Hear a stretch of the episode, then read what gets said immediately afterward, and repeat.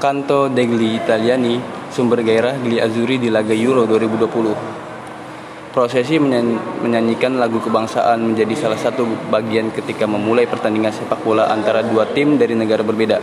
Momentum pembukaan pertandingan itu terjadi semakin hikmat ketika dilakukan dalam ajang kejuaraan besar seperti Euro 2020.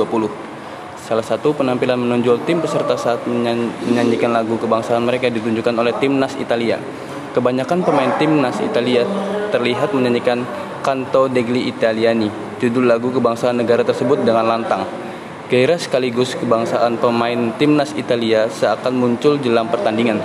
Seperti terlihat pada laga pembukaan Euro 2020 pada Sabtu 12 Juni 2021, dini hari WIB lalu. Canto degli Italiani seperti memberi inspirasi besar bagi skuad Gli Azzurri untuk meraih kemenangan 3-0 atas Turki di Stadion Olimpico Roma.